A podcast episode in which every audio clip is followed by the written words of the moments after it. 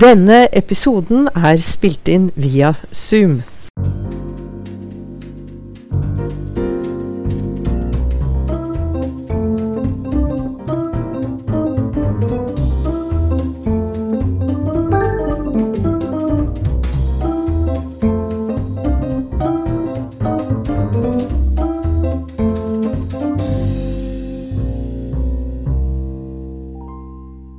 Mitt navn er Berit Reiss-Andersen, og jeg er programleder for Advokatforeningens podkast Fri prosedyre.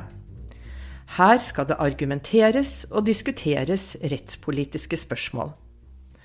Rettspolitikk er viktigere enn du kanskje tror. Lov og rett styrer vesentlige deler av samfunnet og livet ditt.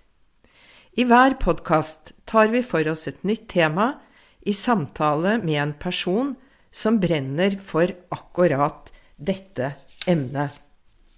I dag skal vi snakke om at storebror ser mer enn du tror i strafferetten.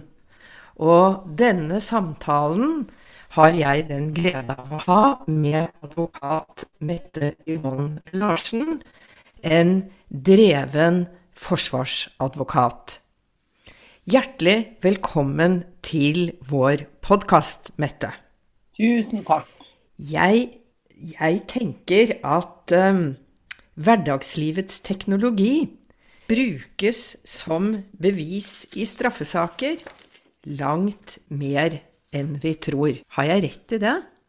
Ja, eh, du har dessverre rett i det. Eh, jeg har jo tenkt litt tilbake etter at jeg skulle si noe her om at eh, det er ganske mange år siden eh, jeg sjøl ble sjokkert over hvor viktig det var å oppklare straffesaker sett opp mot personvernet. Altså at betydningen av å oppklare var viktigere enn nesten alt annet. Det erfarte jeg jo i tidligere år som, tidligere år som forsvarer, og siden det så har det jo bare akselerert. Så Eh, du har helt rett i den overskriften der. Ja, for det er jo viktig å oppklare straffesaker. Men kanskje ikke for enhver pris. For det, det er jo en annen side som er en, hva skal vi si, en vernet rettighet. Og det er jo privatlivets fred. Hvis politiet eller storebror, da, for å gå tilbake til overskriften, ser alt vi gjør, så vil jo mye bli oppklart. Eh, Men det er vel slik at i loven er det begrensninger for hva man kan gjøre hvis man er innenfor området privatliv? Mm. Ja, det er helt klart begrensninger for hva man kan gjøre, men de grensene pushes likevel hele tiden. Altså man, det er jo begrensning i det med å f.eks. foreta romavlytting. Eh, det er begrensning i forhold til å eh, tvinge gjennom helseopplysninger fra folk hvis ikke de eh, gir samtykke. Det er også begrensning i hva man kan bruke biologisk materiale til. Jeg har lyst til å nevne at jeg for mange år siden satt i det regjeringsoppnevnte utvalget, DNA-utvalget. Og Der var det en stor diskusjon om man hadde innhenta en persons DNA til ett formål, kunne man da bruke det til et annet formål? Eh, og, og, det var jeg jo skeptisk til, at man kanskje kunne bruke det til å forske på om folk kriminelle har spesielle gener eller noe sånt. Men der var flertallet i det utvalget mente at hadde man først innhenta beviset, så kunne man bruke det til alt. Så det var liksom starten på min skepsis til at man bruker alt for å oppklare straffesaker, som jeg er helt enig i selvfølgelig er viktig. Så det er absolutt begrensninger, men om det har sklidd ut, det har jeg kanskje en liten følelse av. Men det er vel en det er jo en stor forskjell på offentlig sted og f.eks. det mest private vi har, våre hjem. Altså hvis jeg er ute på gata og sparker noen, eller spytter på gata, eller hva jeg nå ellers kan finne på, så kan jo politiet bare komme rett bort til meg og si Du, det der kan du ikke gjøre. Bare hold opp, og rydde opp der og da. Når jeg er hjemme, så har jeg jo et vern etter menneskerettighetene. At det er privat. Og du nevnte romavlytting. Mm. Det er jo lov, men bare på veldig strenge vilkår. At det foreligger en kjennelse fra retten, at det mm. gjelder et veldig alvorlig straffbart forhold, mm. osv. Mm. Men det er noe som har fått meg til å tenke mye. Jeg snakket med en advokat som var inne i den såkalte Laila Bertheus-saken, mm. og som fortalte meg at i den saken så hadde man um, kartlagt henne via hva jeg vil kalle hverdagsteknologi. Helseappen hadde vist hvor mange skritt hun hadde gått hjemme. Mm. Sikkerhetssystemet på døren, altså eh, som var for å hindre inntrengere. Da kunne politiet telle hvor mange ganger hun hadde åpnet og lukket døren. Man hadde sett på GPS-en hennes hvor hun hadde kjørt bilen sin. Og man hadde gått gjennom bankutskrifter og telefonutskrifter for å se hva hun hadde handlet, hvilke butikker hun hadde vært på til enhver tid, og hva hun hadde uh, brukt penger på. Så vidt jeg vet, uten noen spesiell kjennelse fra retten, er det blitt slik at vi overvåkes i privatlivet uten at Stortinget har kunnet være med å bestemme om det er lov, at vi bare uformelt har brukt denne teknologien?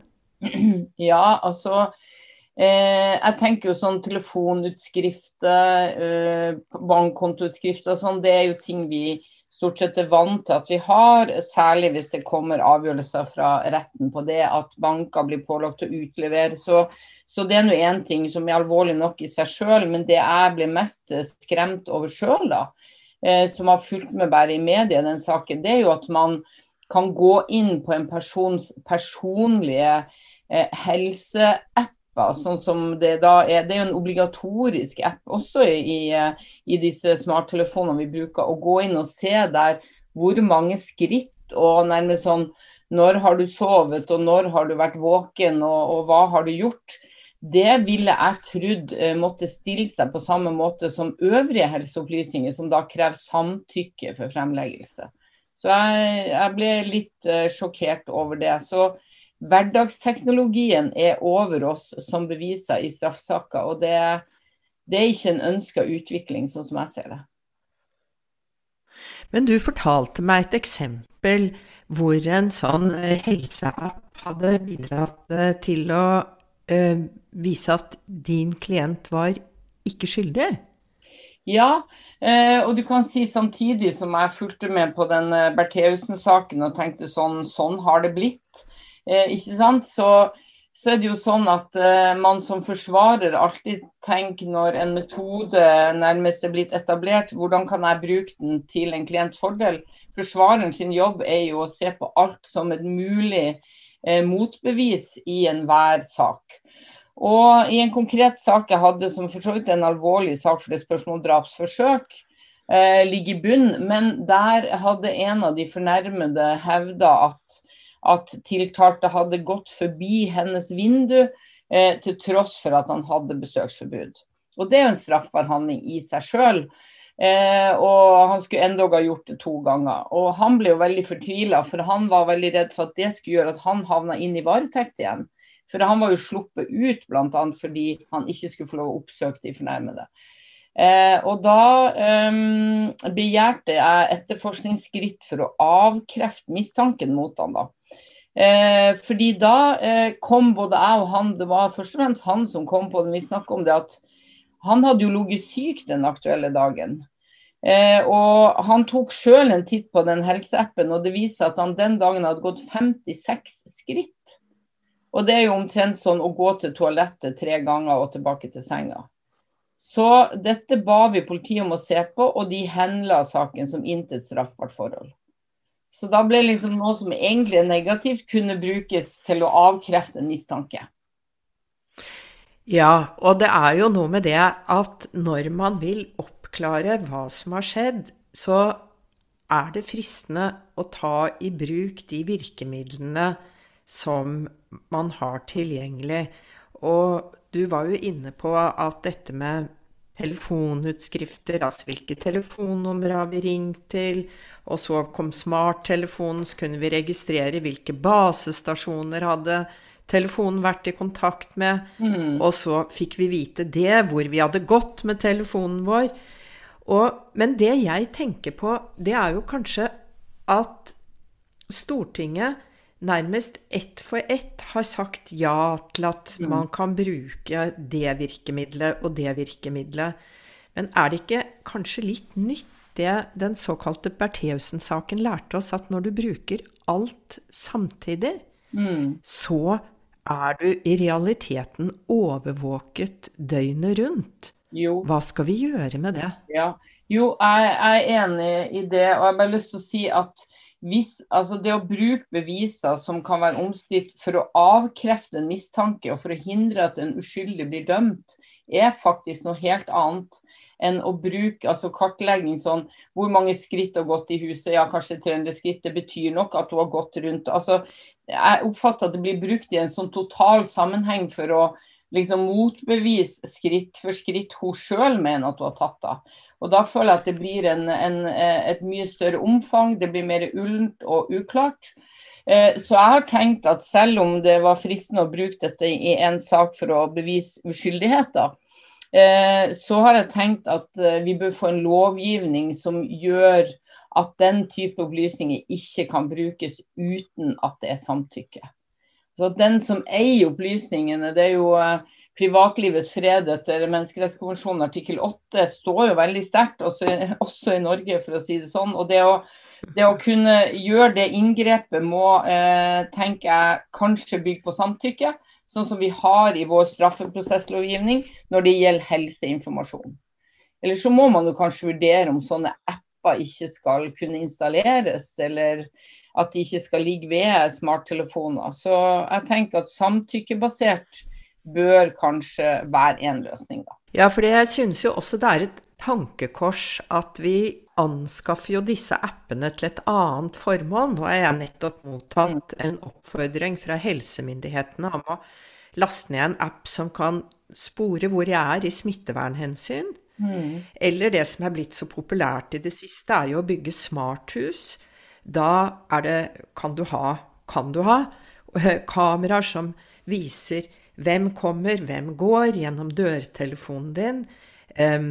Det kan vises når du har slått på kaffekokeren, når du har skrudd av og på lyset. Da er det jo ikke bare at politiet kan gå hjem til deg, men de kan se nærmest når du drikker kaffe, når du har vært på toalettet, og når du slukket lyset da du gikk og la deg i senga. Er det, er det hva, skal vi, hva skal vi gjøre med det? Er det en mulig grense å si at når en app er anskaffet til et formål, så bør den ikke brukes Mm. i forbindelse med en etterforskning? Ja, altså det er noe som kalles infinitetsprinsippet, altså at man eh, Det er jo særlig, som jeg sa når det gjaldt DNA f.eks., så ble det ikke tillatt å bruke det. Vi skal finne ut om du har vært på åsted, om det er din DNA. Ferdig med det. Vi kan ikke også bruke det til å finne ut av om du er eh, eh, har rødt hår og fregner, og dermed så er du kriminell, eller noe sånt. Vi kan ikke bruke det til noe annet. Og da tenker jeg kanskje at, at det bør være et utgangspunkt, i hvert fall. Og så er jeg litt usikker på om man får politikerne med på det. For man, i, i, norsk rett så har man en sånn Hvis beviset nå ligger der, da, så vil vi gjerne få lov å bruke det likevel. Mm. Det er jo det som er en litt sånn skremmende Mm. praksis vi har, at alle bevis som er på bordet, de skal brukes. Ja, og så er, har de jo en pris for det, det som kanskje er litt viktig å forklare. Hvorfor er det så viktig da med dette privatlivet, at det er så viktig at det har blitt beskyttet ved Den europeiske menneskerettighetskonvensjon? Hvilke tanker gjør du deg rundt det? Eh, Jeg tenker at det er det som skiller, skiller oss fra den ultimate politistat, og den, den staten som på en måte ser alt og overvåker alt. Altså, det handler om den personlige frihet.